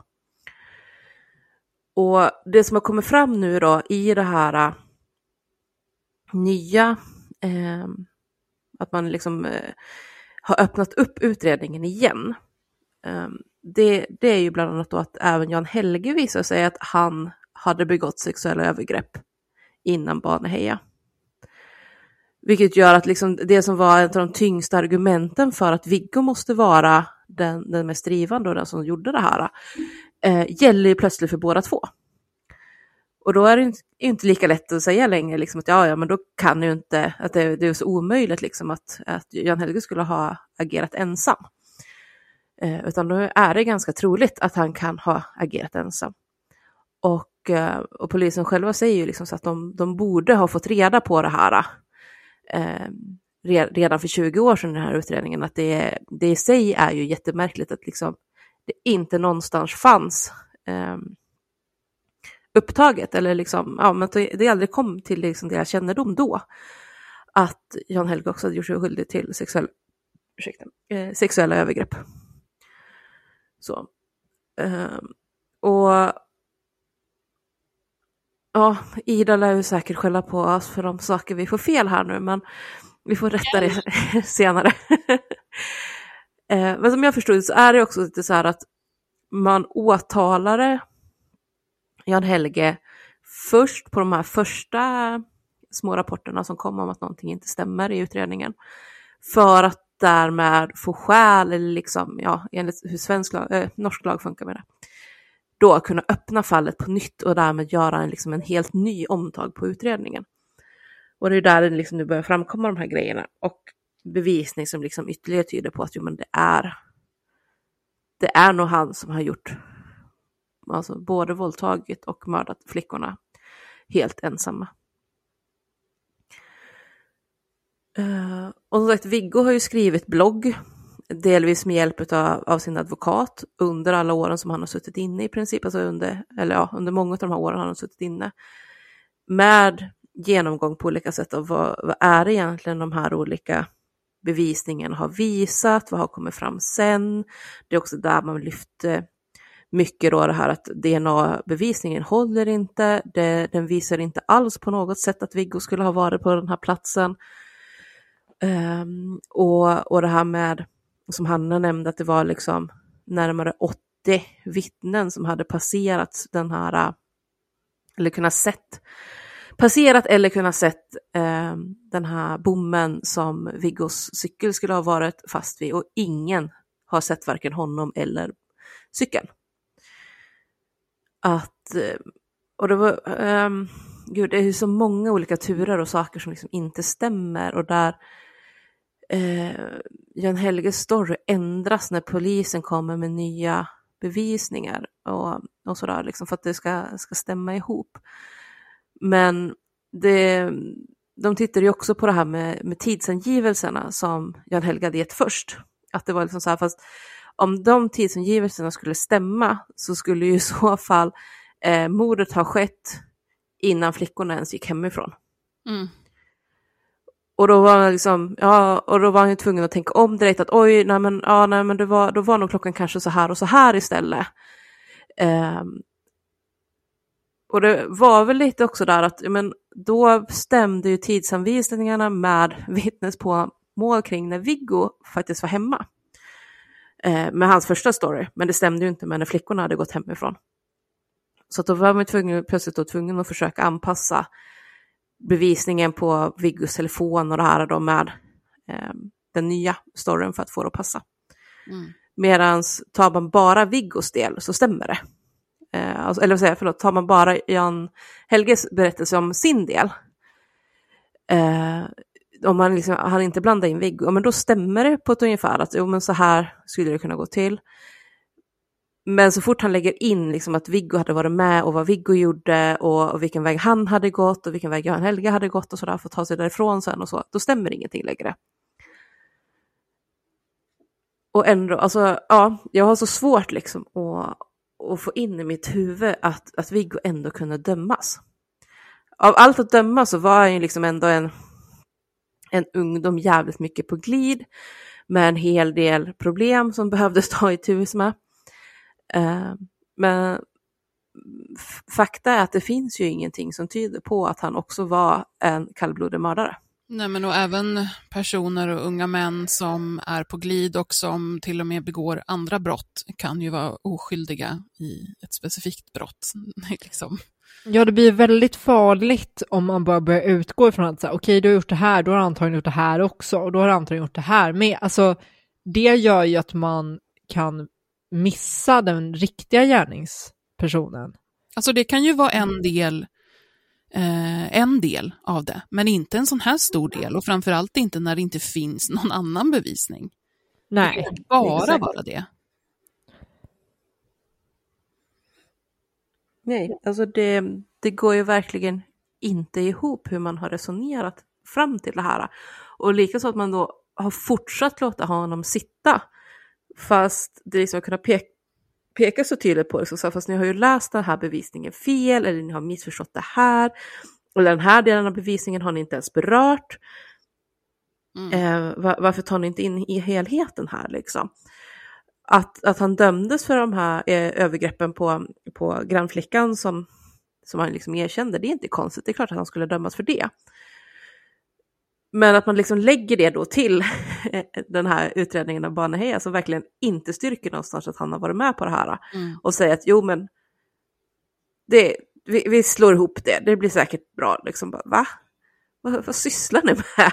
Mm. Um, och kan ju säga också, just det, um, bara för att man ska liksom få en bild av så här, exakt hur um, aktuellt det här fallet fortfarande är, så är det alltså förra veckan eh, det vill säga runt 20-ish någonstans, juli 2022, som man alltså tog in och åtalade Jan Helgén för mordet som han tidigare friades ifrån. Mm. Jag så undrar det är väldigt nära för, vad det är de kan ha hittat på husransakan, så nu? Mm. Måste jag vara... har ingen aning. Det är, de jag... är väldigt förtegna med vad det är de hittar. Utan det, det de har pratat om är att det finns att han ska ha begått sexuella övergrepp innan Baneheja och sen att man har hittat saker som styrker att det är han som begick båda morden. Alltså jag, Johan sa till mig, för vi, Johan var ju lika insugen mm. i det här som jag blev. Han sa att de hade hittat, om jag inte minns fel, barnpornografi. Eller ja, eh, vad ska man det heter juridiskt det, men jag brukar inte vilja kalla det utan liksom dokumenterade sexuella övergrepp på barn. Mm. Ja, men det lär det ju säkert vara, men, men det kan ju inte vara helt avgörande bara det. Alltså med tanke på hur de dömde första Ja, gången så har jag inte så höga eh, förhoppningar just nu om det norska rättssystemet. Nej, men, Men- alltså sen är det ju så, alltså vi har ju suttit så här, eh, när vi har suttit i, i förberedelser och liksom diskuterat det här och så kommer att, liksom, jag vet att du har frågat Paula om så här, får se om ni kommer tro om, om Viggo är skyldig eller inte. Eh, sånt, och det gör man ju alltid när man lyssnar, som vi som är intresserade av sånt här och jag vet att jag gör det så fort jag lyssnar på en true crime-podd eller ser en dokumentär så sitter jag ju själv såklart och liksom ska avgöra vad jag tror. Eh, det är ju oftast väldigt svårt och går ju ofta väldigt mycket på, eh, på tyckande, speciellt om man utgår från en podd eller kanske en, en dokumentär som kan ha eh, förstärkt någon sida eller utelämnat något eller sådär. Men det som är faktum i det här fallet är ju att oavsett vad man tror om Viggo eller inte så är det ju 100% så att det inte finns bevisning nog för att döma honom till det. Så att, att domen är felaktig är ju liksom det som är helt solklart. Alltså jag är ju helt ointresserad om han är skyldig eller inte, för det kan vi aldrig veta. Det enda vi kan konstatera är att han inte ska eh, ha blivit dömd för det. Han ska inte sitta inne för det här, för att det finns det inte bevis för som du säger Kajan. Nej. Mm. Och sen är det också ganska uppenbart att John Helge är en ljugande son of a bitch. Japp, riktig, Ja. riktig. Så Alltså, att, eh, ja. det skulle ju inte förvåna mig om man säger så, att om, om det är han som har gjort det helt Men de hade ju med någon eh, eh, expert från USA som hade jobbat med FBI, som, eller Ja, de, det här det. teamet då intervjuade en, en som, hade, som, som kollade, kollade in det här fallet och, och kollade upp det och så var så här bara, ja fast hallå, Jan Helge, eh, han har mördat på det här sättet, han har liksom försökt täcka över mordet, han har, ja, alla de här grejerna bara, varför skulle han då inte också kunna ljuga om, om Viggo? Ja. Varför skulle han helt plötsligt bli helt reko kille då liksom? Och det är så himla mycket i hans, eh, tycker jag, som man känner igen i hans utsaga om det här med att eh, han blev tvingad och han vågade inte och han blev hotad till livet och sånt där som är eh, så, så klassiskt i, i förhörssituationer med, med misstänkta förövare.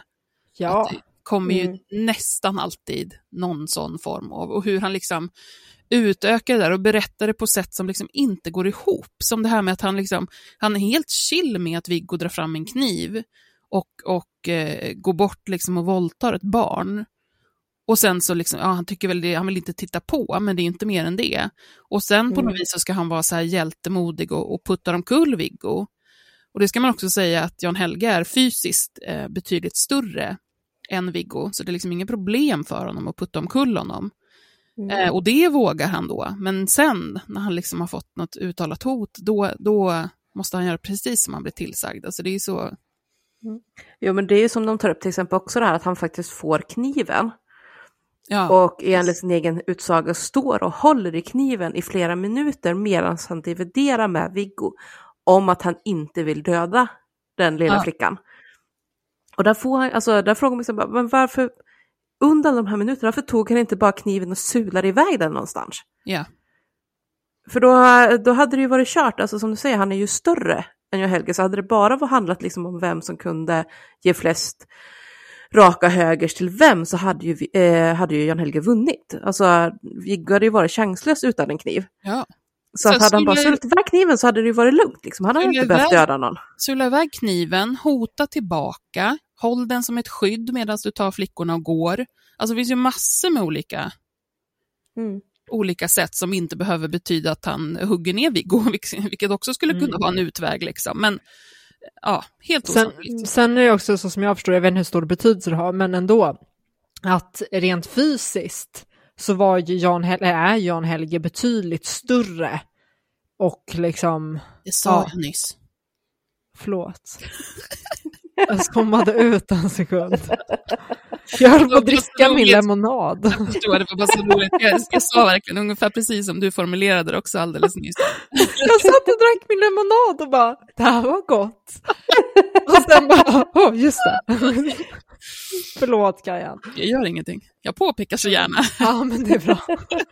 Nej, men det är ju en journalist som medverkar i den här dokumentären som eh, som är med och berättar, liksom, eller det är flera journalister, men framförallt den som jag tänker på nu, om hur, hur, hur pressen som närvarade vid rättegången liksom blir chockad under rättegången när de här två männen kommer in. För att i pressen så har, och liksom via det polisen har sagt, så har Viggo frammålats som, alltså, som Satan, som den, som den stora mobbaren. Liksom. Och Jan Helge som sidekicken som följer med. Och så när de kommer in i rättssalen så är det alltså Jan Helge som är den eh, fysiskt betydligt mer överlägsna eh, än vad Viggo är. Och Viggo är i rätten också mer timid. Liksom. Mm. Det behöver inte betyda något, men det är ju lite intressant. Ja, men det är ändå intressant. Ja, ja, men jag tycker definitivt att det är en intressant iakttagelse. Ja, men och det säger någonting om hur de här narrativen eh, som, som målas upp också, med hjälp av pressen inte minst, eh, påverkar vår, hur vi ser på, på misstänkta men, och på förövare. Ja, men det är också just att det blir så farligt när eh, rättsväsendet börjar, liksom, de, de faller för trycket från allmänheten och pressen att hitta förövaren. Ja. Att de liksom mm. ger vika för det och börjar ta eh, genvägar för att med alla medel kunna peka ut och sätta dit någon. Ja, men alltså, det, ur, det... ur, deras perspektiv så det hade gått alldeles för lång tid, de hade inte fått fram någonting. Så får de den här DNA-träffen på, eh, på John Helge, eh, tar in honom, är så jäkla, jäkla sugna på att liksom få till det här äntligen, så de lägger för mycket press med den här polischefen som går in och säger saker som man absolut inte ska säga. Eh, och John Helge ger dem till slut precis det som de vill ha, liksom hela, hela händelseförloppet rakt upp och ner, och dessutom en, en till person som är skyldig. Alltså, man kan ju förstå att de är väldigt sugna på att, eh, på att löpa den linan ut. Men, men mm. det är otroligt oprofessionellt och, och de, i det suget måste ju lägga sig väldigt, väldigt snabbt och de måste sansa sig och sen göra sitt, göra sitt jobb. Och det har de ju verkligen inte gjort. Nej. Och Ja, jag satt och så här vela fram och tillbaka om jag ska säga det här eller inte. Men jo, alltså jag har så himla svårt att inte dra paralleller till ett fall vi har sagt att vi ska göra så småningom. Men eftersom det också är ett internationellt fall så dröjer det ett tag till eftersom vi vill ha, det, ha dem lite mer isär, så att säga. Eh, och det är vi sagt, vi ska ju prata om West Memphis 3 också, så småningom. Eh, vilket, ja, det, det är väl mer känt som Paradise Lost-trion, liksom från HBO-dokumentär som har gått i tre gigantiska långa delar eh, om, om tre killar som blir dömda för att ha mördat och eh, stympat tre små pojkar eh, i en skogsdunge i närheten av där de bor. Och, och det är så likt där, liksom där att hela samhället blir alldeles upprörda och polisen får jättemycket press på sig att de måste hitta någon för att sätta fast på det här äh, mordet. Äh, de hittar en kille som är lite, han har ju en sån äh, intellektuell funktionsnedsättning. Och, och de förhör honom nonstop i typ 18 timmar eller något sånt där, för, alltså i flera vändor. Och sätter jättemycket press på honom tills han erkänner och så pekar ut två andra och sen bara kör de. Um, att det, ja, men det finns mycket paralleller att dra kring, kring ja. det här. För att det är samma där, liksom att alla tre döms, varav den ena eh, som heter Damien mm, faktiskt döms till döden. Mm. Trots att det finns ingen bevisning som binder honom till platsen. Det enda som finns är orden från hans kamrat. Eh, och vittnesmål om att Damien skulle vara satanist och det här är mitt i liksom satanist, eh, nej, satanic panic. Och den gillar de ju att kasta in. Ja. Så det, det är liksom väldigt likt det här, unga killar som eh, sticker ut och, och polisen som verkligen bara vill hitta någon för att kunna sätta åt, liksom att, att visa att man har rätt ut. Eh, med då den stora skillnaden att i det här fallet så fanns det åtminstone DNA-bevisning för att binda en av personerna mm. till, till brottsplatsen, vilket det inte gör i det andra fallet. Jag tittar just nu på, jag har inte kollat klart, men på Barbie och Ken-mördarna. Eh, Det finns också dokumentär på Discovery, tror jag. Det är också. Eh, nu minns jag inte, jag bara drog fram det här nu, jag minns inte vad de heter, men de kallas för Barbie och Ken-mördarna. Där är jag också... Homolka heter ju hon. Ja, exakt. Eh, ja, det kan, det kan vi slänga in någonstans sen. Eh, men där det också är liksom ehm, kvinnan som kommer in väldigt misshandlad eh, berättar om eh, att hennes man inte bara misshandlar och hotar henne utan att han har, har eh, mördat två personer och också är serievåldtäktsman. Och, och hur polisen ganska länge och väldigt mycket liksom helt och hållet eh, går på den linjen tills det liksom framkommer att eh, det lilla kruxet är att det finns videofilmat eh, en hel del från det här som, som mannen själv har videofilmat och där det visar sig att kvinnan är, är högst delaktig i det. Men hur himla lätt det är att, återigen med så narrativ, och, och så kan det väl vara um, för polisen som för alla andra, att ett, ett narrativ som är väldigt efterlängtat och som, man får, som är det första man får presenterat för sig kommer liksom att vara dominerande på något sätt. Och då ökar benägenheten att det är det man, att det är det man går på. Problemet är ju bara att polisen absolut inte får jobba så. Inte Nej. rättsväsendet överhuvudtaget. Nej, och just det, Homolka, och hon är ju fri ur det här Ja. laget. Ja, För att hon får ju kraftig eh, straffrabatt på att hon outar sin man. ja. Eh, eller sätter dit honom liksom. de gjorde ju Och- någon överenskommelse där också. Precis. Att hon skulle liksom, tell all så fick hon, vad var det, typ 20 år i fängelse eller något Ja, hon sånt där. fick dråp istället för precis. Mm. Ja. Eh, så, att, och så hon är ju fri. Och det finns ju en annan mördare som är så löst connected till henne nu. Eh, genom att han, han själv spred ut ryktet att, eh, att folk påstod att han dejtade henne. Aha. Och att han skulle fått liksom så mordhot och grejer för det. Och det är eh, mördaren som eh, dokumentärserien Don't fuck with cats på Netflix handlar om. Det här måste vi göra ett avsnitt på känner jag nu. För jag har så himla mycket på Barbie och Ken-mördarna. eh, Bara, alltså Ja. bara att de kallas Barbie och Ken och det här att det är så, alltså just med, med fysisk Mm. uppenbarelse, att jag har så svårt att tro att vackra eller snygga människor kan göra onda saker. Mm. Eh, Och alltså det, det här är också sådana grejer som är så skum, för att hon var ju jätteung när de träffades. Mm. Jag tror hon var 15. Ja, exakt. Ehm, och det, det finns ju liksom så varierade uppgifter om hur hon var. Alltså det är vissa som var bara, hon var jättegullig och jättesnäll och eh, tog väl hand om djur och sådana här grejer. Och sen finns det så här fåtal vittnesmål som typ, fast ja, hon, hon tyckte jättemycket om djur och så här tills hon tog en hamster, eller nej, marsvin och slängde ut i en fejkad fallskärm bara för att se hur det skulle se ut när en hamster vart mosad mot Ja. marsvin vart mosad liksom, mot marken nedanför. Eh, att, och att det liksom visst fanns att hon kanske inte var så jävla snäll alla gånger. Men, men det är verkligen så att hur mycket hade hon gjort de här grejerna om hon inte hade hamnat med just honom? Nej. För att han var ett jävla as, det råder ju inget Oh ja, tvivel om oh eftersom ja. han var serievåldtäktsman redan innan de träffades. Mm. Eh, men som sagt, hur, hur mycket inverkan hade han på att hon också blev det? Vi får skriva upp det här fallet tycker jag. det- att jag är super, det är mitt fall som jag är jätteinne på just nu. Ja, Eh, ja, men det är ett fantastiskt fall. Jag, Ja. jag har läst jättemycket om det. Ja. Ehm, så, så där har ni för framtiden två internationella fall som vi, vi kommer att komma in på så småningom. Vet bonusavsnitt ingenting eller- om något av det Ja, här känner jag. Åh, det kommer så... Alltså Ja. West Memphis 3 är ju verkligen en sån som är ett av mina absoluta favorit äh, mord, höll jag på att säga. Inte Ja. mord, men eh, brottsutredningar. Mm. Och det är också ett sånt här som är ständigt pågående.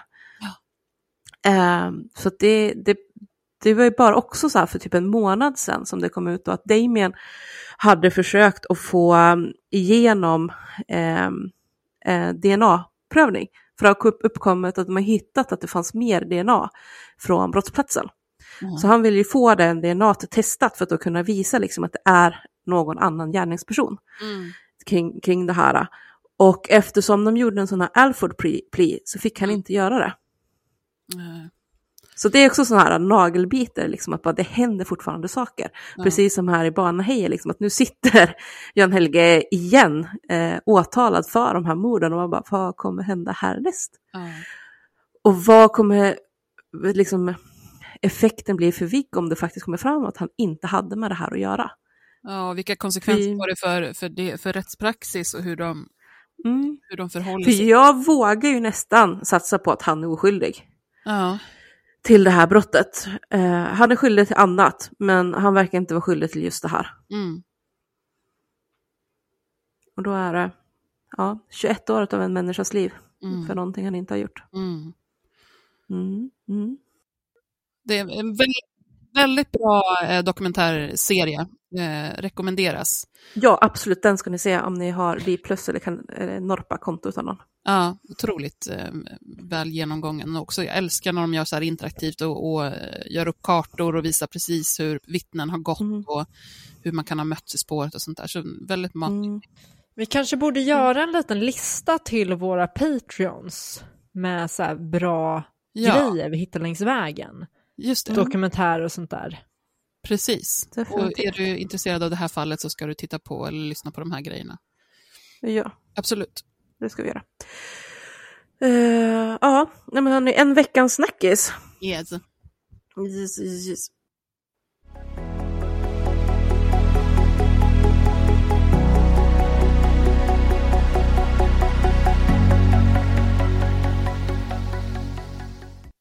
Nyans.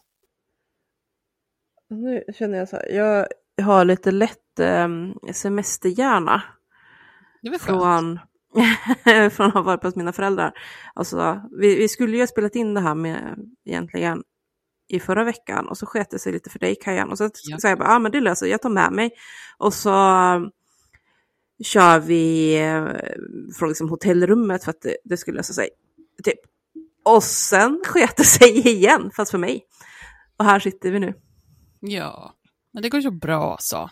Ja, Alltså för mig går det inte så jättebra just nu för att jag fick världens magknip. Åh nej, jag behöver gå Alltså, till jag- hej! Ja, Ni, ni bara, det skiter sig, det skiter Åh, sig. Jag bara, nej. ja, alltså snart skiter det sig här. Nej! Så kör på, I'll be back. Ja, Lycka till. ja, Tack. Jag... Vänta. Ja, veckans snackis. Eh, och då tänkte jag att vi ska ta och prata lite om eh, ja, konflikten är väl det rimligaste ordet för det, Mm. som uppstått mellan Nina Rung och Stefan Krakowski. Just det. Eh, för tre dagar sedan så skrev Nina på sin Instagram så här. Det här är Stefan Krakowski. Han håller ett sommarprat som i många delar är hämtad ur hans bok Incel om ofrivilligt celibat och en mansroll i kris. Jag har läst ut boken och jag har lyssnat på hans sommarprat och är både förvånad och förbannad. Förvånad över hur en psykiater som träffat och intervjuat så många män som lider av ensamhet och inte kan etablera relationer eller ha sex med kvinnor ofta hyser ilska mot kvinnor, samhället, sig själva, inte ens resonerar kring varför de här männen anser sig ha rätt till kvinnors kroppar och kärlek. Vad är det som gör att vissa av dem blir så arga att de anser sig ha rätt att utöva våld eller fantisera om att skada kvinnor? Förbannad över att inga sådana frågor ställs. Istället ställs frågor till varje man om han gått till en sexarbetare. Som att köpa sig ett övergrepp är en rimlig lösning på mannens problem. Än en gång ska det alltså vara kvinnors kroppar som utnyttjas för att män ska vara nöjda, få vad de anser sig ha rätt till, ha sex. Vem hade frågat en fattig om hur många han har rånat? Genom hela boken kan analysen sammanfattas med det är kvinnornas ekonomiska och sociala oberoende som lett till männens kollaps. Inte det lite mer rimliga, det är männens oförmåga att hantera kvinnors oberoende som är problemet. Och i vissa fall, det är männens kvinnohat som är problemet. Den boken hade jag önskat att få läsa, inte en som återigen lyckas ta ifrån männen all form av eget ansvar och lägger det i knät på kvinnor att ordna upp.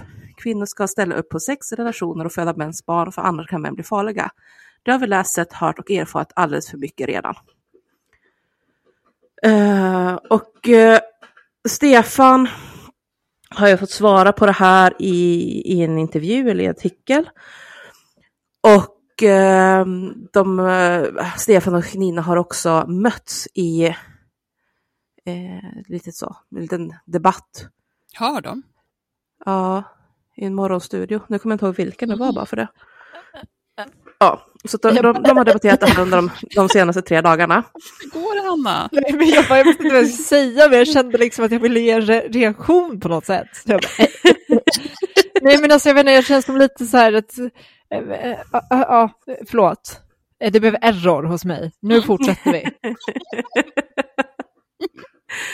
ja, alltså jag vet att jag har kritiserat Stefan själv tidigare, så på den punkten vill jag ge Nina lite rätt här.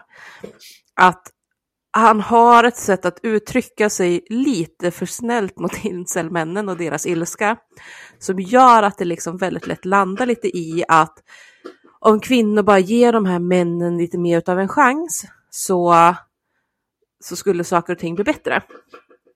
Mm. Men jag upplever också att Stefan har blivit bättre över tid med att ny nyansera sig och att han definitivt är det i sommarpratet. Mm. Uh, sen tycker jag liksom samtidigt så att Nina har jättekonstig ingångspunkt i till exempel det här att, att man inte ska fråga dem om de har köpt sex. För det är liksom så här, men om du inte frågar dem, hur ska man då få veta hur pass vanligt problem det här är bland de här männen? Ja. Hur, hur ska man få reda på hur de resonerar kring sådana här grejer? Huruvida de tycker verkligen att de har rätt till kvinnors kroppar och därför till exempel tycker att det är en rimlig lösning på sina problem att gå till en prostituerad liksom, för, att, för att få knulla. Mm. Um, det, det är saker vi inte får veta om man inte frågar. Det är ett väldigt och, konstigt hopp också att, att den frågan i sig skulle innebära att man presenterar det som en bra lösning. Ja, för jag har inte alls uppfattningen från Stefan att han tycker att det är en rimlig lösning. Nej, nej. Utan mer liksom så att han har konstaterat att det är en lösning för många av de här männen. Mm. Utan snarare att han ser det som ett problem att män ser det som en lösning. Men för att veta hur brett det här problemet är så behöver han också fråga om de faktiskt har, har gjort det här. Mm. Men, men jag får också liksom upplevelsen av att alltså det finns ju de här incelmännen som är liksom eh, efterapare på Elliot Rodgers, liksom, som verkligen är sådär att ja, vi, vi har rätt till och vi borde få och vi ska minsann och kvinnor är, är skyldiga oss det ena och det andra. Mm. Men, men i liksom i boken och också i sommarpratet så lyfter ändå Stefan så att ja, men det finns många av dem som inte tänker så här. Mm. Som mer är liksom så att jag fattar att i dagens samhällsutveckling så som det ser ut idag så är jag förloraren. Mm. Jag hänger inte med, jag har inte lyckats anpassa mig, jag har inte lyckats slå mig fram i det här samhället och därför vill ingen ha mig och den enda som har gjort fel eller som misslyckas är jag. Men där de mm. kanske liksom till och med slår över lite för hårt i det här.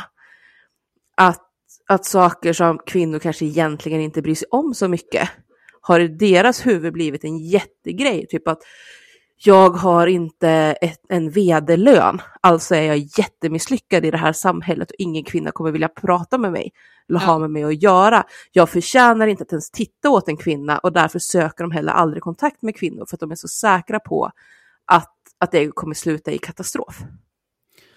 Um, nej men självhatet är ju en jätte jätte, jättestark liksom grundpelare i incelkulturen där det liksom utgår ifrån att man inte tycker att man är duglig eller, eller värdig eller att man är fel på olika sätt, alltifrån liksom till eh, yttre statussymboler, att man inte har finaste jobbet och bästa lönen och nyaste bilen och, och sådana saker till att man eh, tycker att ens utseende eh, fallerar på olika sätt. Och sen så finns det ju de här eh, extremfallen som, som resulterar i något eh, dåd eller alltså våld mot andra personer än, än en själv. För det ska man också säga att självmord är en, är en eh, eh ja, det är många, många incels som begår självmord helt enkelt. Eh, men de här extremfallen som riktar det här våldet utåt, då handlar det om att, att man beskyller eh, andra personer, då framförallt eh, kvinnor eller, eller snygga framgångsrika män för det här självhatet som man eh, har fått gott att leva med länge. Liksom. Men, men att självhatet är där råder det ju liksom ingen tvivel om. Nej. Nej men precis. Och alltså det som gör mig mest frustrerad tror jag ändå med hela var, var det här landar någonstans. Det är ju liksom det här att men som jag uppfattar att, att Stefan gör, det är ju lite grann att återge så här resonerar de. Ja. Han, han lägger liksom inte fram, han håller inte på att presentera den, den perfekta lösningen här eller någonting.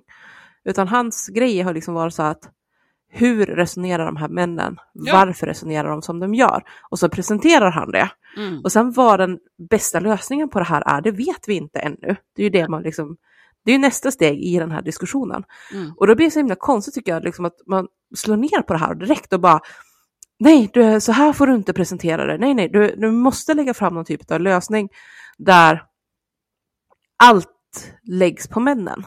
Att de gör fel, de måste ändra på sig, de får inte tänka så här. Det, det här är precis samma sak som, som vi har varit i pedofildiskussionen. Att så fort man inte pratar om problemet eller förekomsten av de här männen som har det här, de här tankarna, de här känslorna och det här beteendet. Eh, så fort man inte pratar om det på ett eh, alltså huvudsakligt liksom skuldbeläggande sätt, utan säg att man pratar om det med att eh, man vill förstå hur det kan bli så här, man vill se hur man kan göra för att förhindra att det blir så här eller förhindra att det drabbar andra, alltså att man, att man vill förstå och lära sig mer om det. Eh, då, då, alltså, det, Ninas inlägg blir ju liksom en motsvarighet till att skrika eh, pedofilkramare. Liksom. För att man vill se det här fördömandet, man vill se att liksom i varje mening så ska man liksom visa att det här är fel och det är ni som gör fel och ni har er själv att skylla eh, för att det har blivit så här. Och, och det, jag kan ju tycka, jag är super superfascinerad, ehm, fascinerad, inte rätt ord, intresserad kanske, eh, av incel, eh, fenomenet incel och framförallt den kultur som har vuxit fram, eh, kanske framförallt efter Elliot Rodgers. Um, ehm, jag har precis lyssnat på en poddserie om det som var väldigt, väldigt bra. Ehm, men jag som tycker att det är otroligt intressant, det jag tycker är mest intressant att lyssna på är ju de här rösterna och perspektiven som verkligen försöker förstå och där, där incels själva berättar om eh, alltså sin syn på det utanförskap de är i, för det är ett utanförskap från samhället och, och det behöver man inte direkt peka på vems eh, fel det är, utan det kan vi liksom stanna vid att eh, konstatera för nu att det är ett utanförskap. Och för att kunna mm, hitta bra sätt att både hantera situationen som finns nu och förebygga eh, den framöver så måste vi få reda på hur de resonerar, hur de tänker och hur de känner och det kommer man inte få fram om man sitter eh, som i, i liksom Stefans roll med ett otroligt skuldbeläggande i, i allting. Du kommer inte få Nej, nej. Eh, att berätta. nej, nej, men jag håller helt med dig, Kajan, i det här. Att det är väl självklart att man inte skulle, skulle få fram sanningen om man går in med en helt fördömande attityd. Det blir jättekonstigt. Ja, och, det, och liksom, det behövs inte, det känner jag. Vi, vi vet ju... Det, alltså, de, de rådande diskussioner, framförallt kring incels, är otroligt fördömande. Det är inte som att det råder brist på det. Jag kan nästan tvärtom känna att det kan vara skönt att få in Eh, nu har jag inte läst ut precis hela Stefans bok, men jag har kommit en bra bit. Eh, men, men att få in ett sånt perspektiv som lugnt och sansat försöker lägga det där åt sidan och sen så försöker liksom ställa alla frågor som går, försöka förstå utan värdering. Och sen så kan vi i nästa steg liksom ta och analysera det här, okej, okay, vad gör vi med det?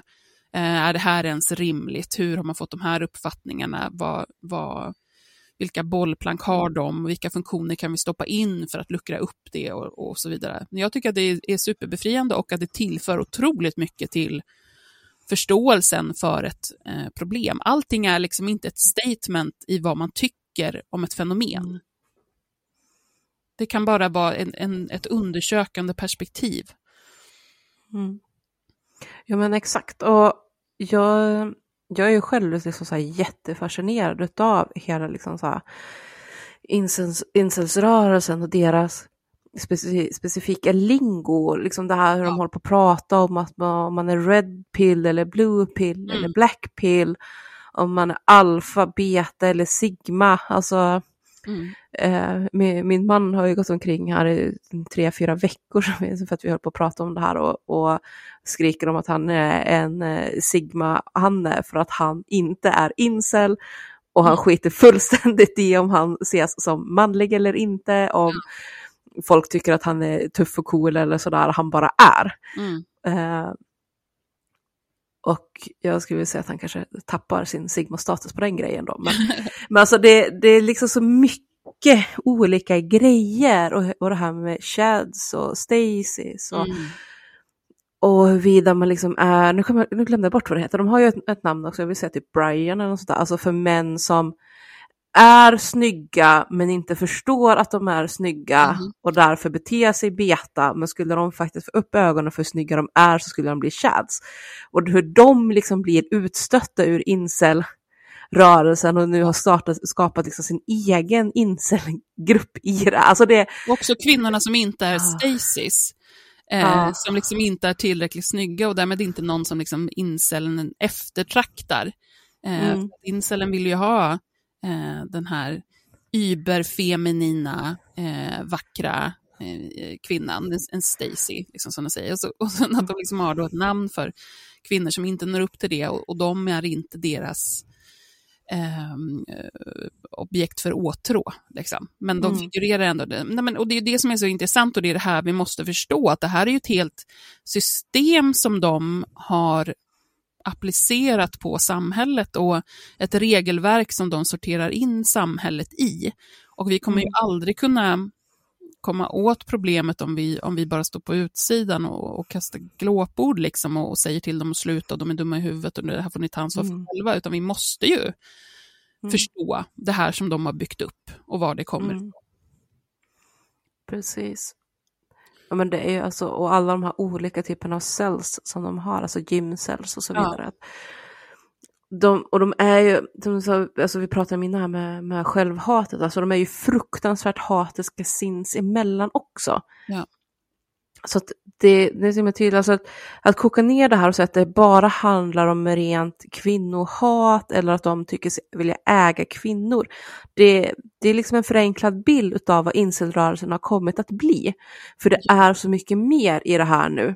Och tycker Ehm. jag, alltså, kanske den, något av det mest viktiga i det här som inte alls diskuteras särskilt mycket är den eh, otroligt höga andelen med män på spektrat eh, som eh, är incels. Nu kommer jag inte ihåg siffran, men jag vet att Stefan har med det i sin bok. Eh, Ja, det är en jättehög andel. jätte- Som, jättehög. de förstår ju helt enkelt inte de sociala koderna. Alltså jag kan ju tänka mig, det, det, dels är det ju de som är på spektrat och sen är det ju de med vissa andra typer av personlighetsstörningar också. Ja. Som, som är, alltså Elliot Rodgers hade ju någon form av personlighetsstörning till exempel. Det var ju inte bara att han var på spektrat, det var ju liksom att han var väldigt empatistörd också Ja. i en kombination, liksom att han kunde inte sociala koder och han saknade empati med andra människor och på det sättet blev han väldigt, väldigt farlig. Ja.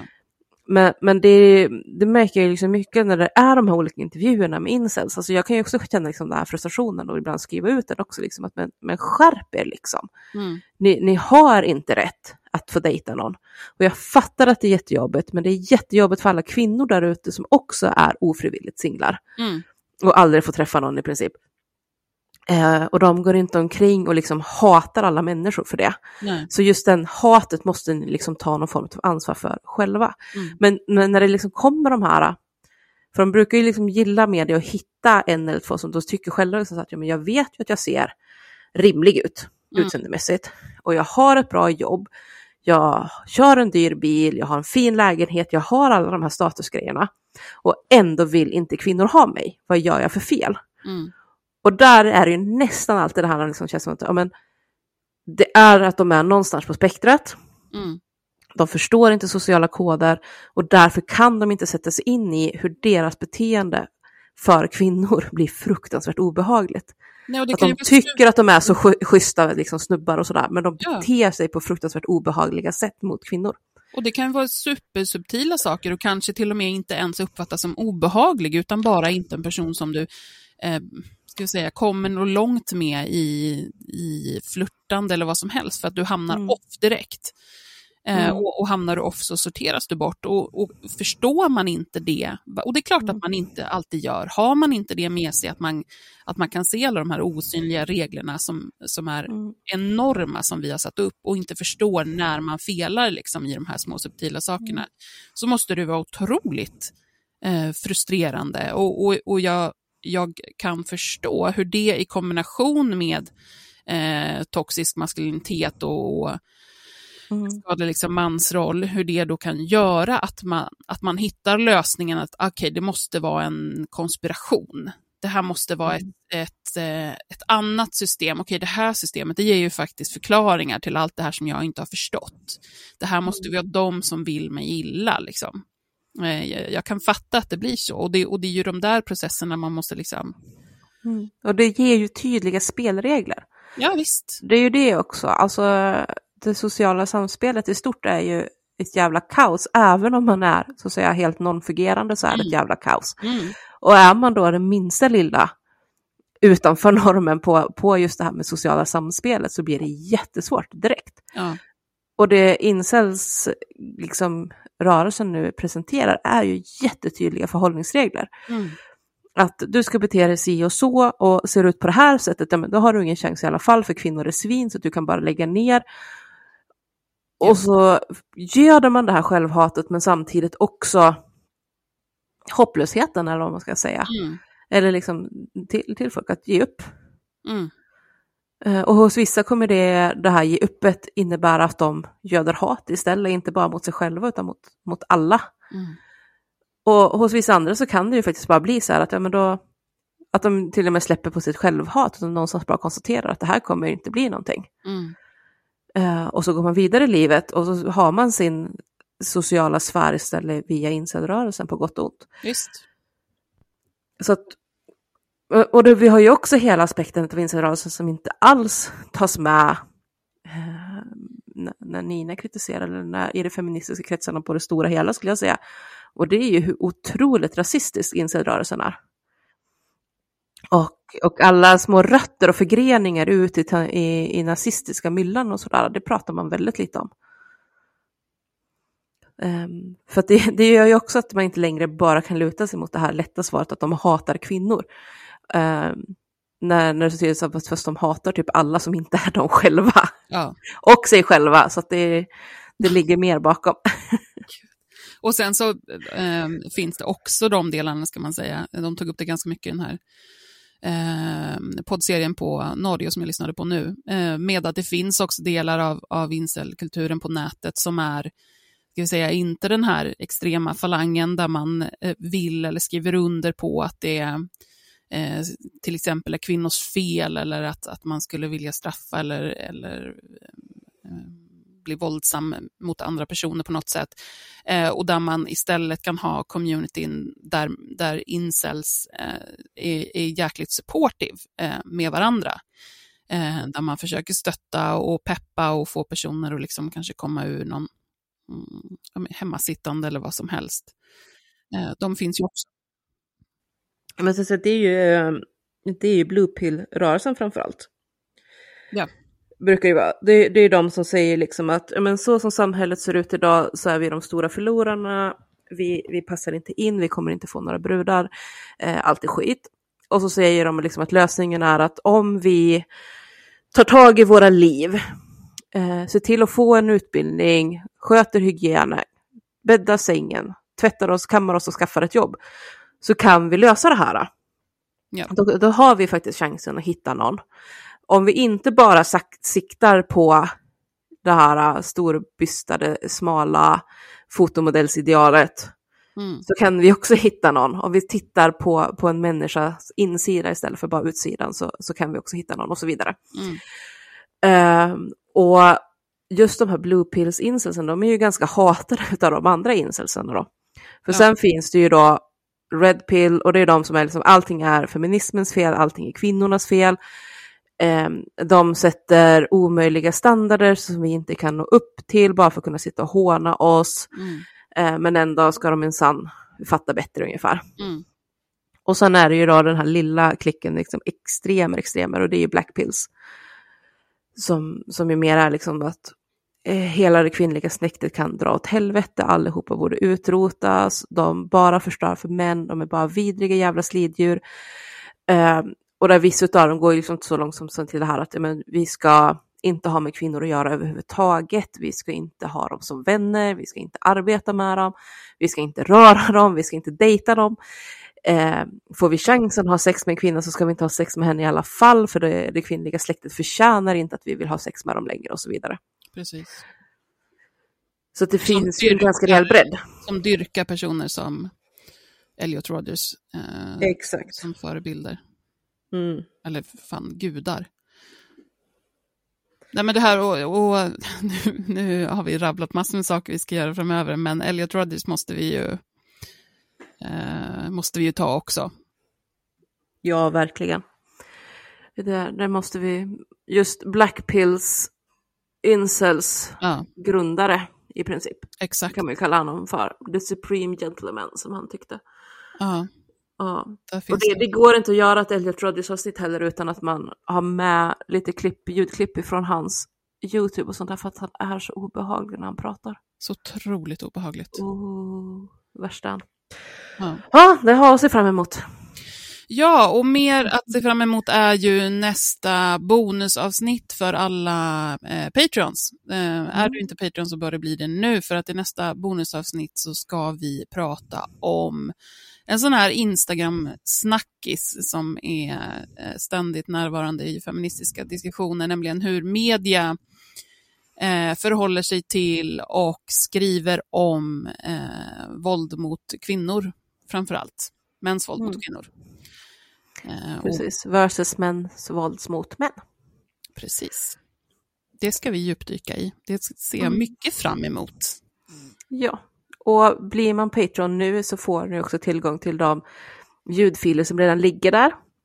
Precis. Vilket då bland annat inbegriper eh, snack om eh, vårdnadstvister, bonusavsnitt om Dumpen, Mm. eh, aborträtten körde vi här senast och är man då dessutom att man går in på Patreon på 80 eller 150 kronors nivån så får man också ett litet 20 minuters specialavsnitt med högläsning ifrån eh, abortnej.se.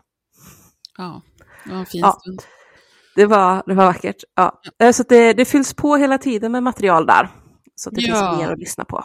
Och som sagt så får man ju då också möjligheten att skriva frågor till oss som vi kommer läsa innan och lägga tid på och svara i bonusavsnitten också. Så det kommer också komma i nästa avsnitt. Så bli Patreon. Tusen tack för att ni lyssnar, att ni fortsätter att lyssna, att ni eh, ger oss bra betyg, att ni tipsar om oss, att ni eh, tipsar oss om saker ni vill höra. Eh, allt det där Mm. uppskattas väldigt mycket. Vi tycker om er. Ja, det gör vi. Bra mer. Ja, det gör vi. Tack för att ni lyssnade så hörs vi i nästa avsnitt. Hej då! Det gör vi. Hej då!